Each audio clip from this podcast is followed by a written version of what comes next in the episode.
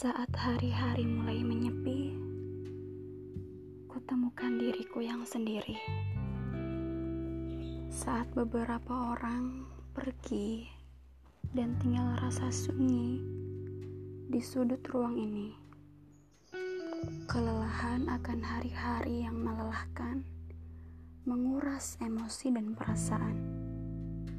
Keadaan memang tak bisa dipaksakan muncul sebagai jawaban. Kini, kutemukan ragaku yang kosong dan jiwaku yang risau.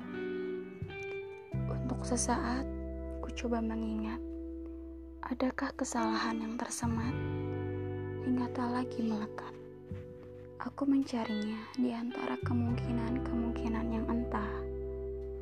Aku berjalan menelusurinya hanya kerikil tajam yang kutemui, menggores dan menyayat hati.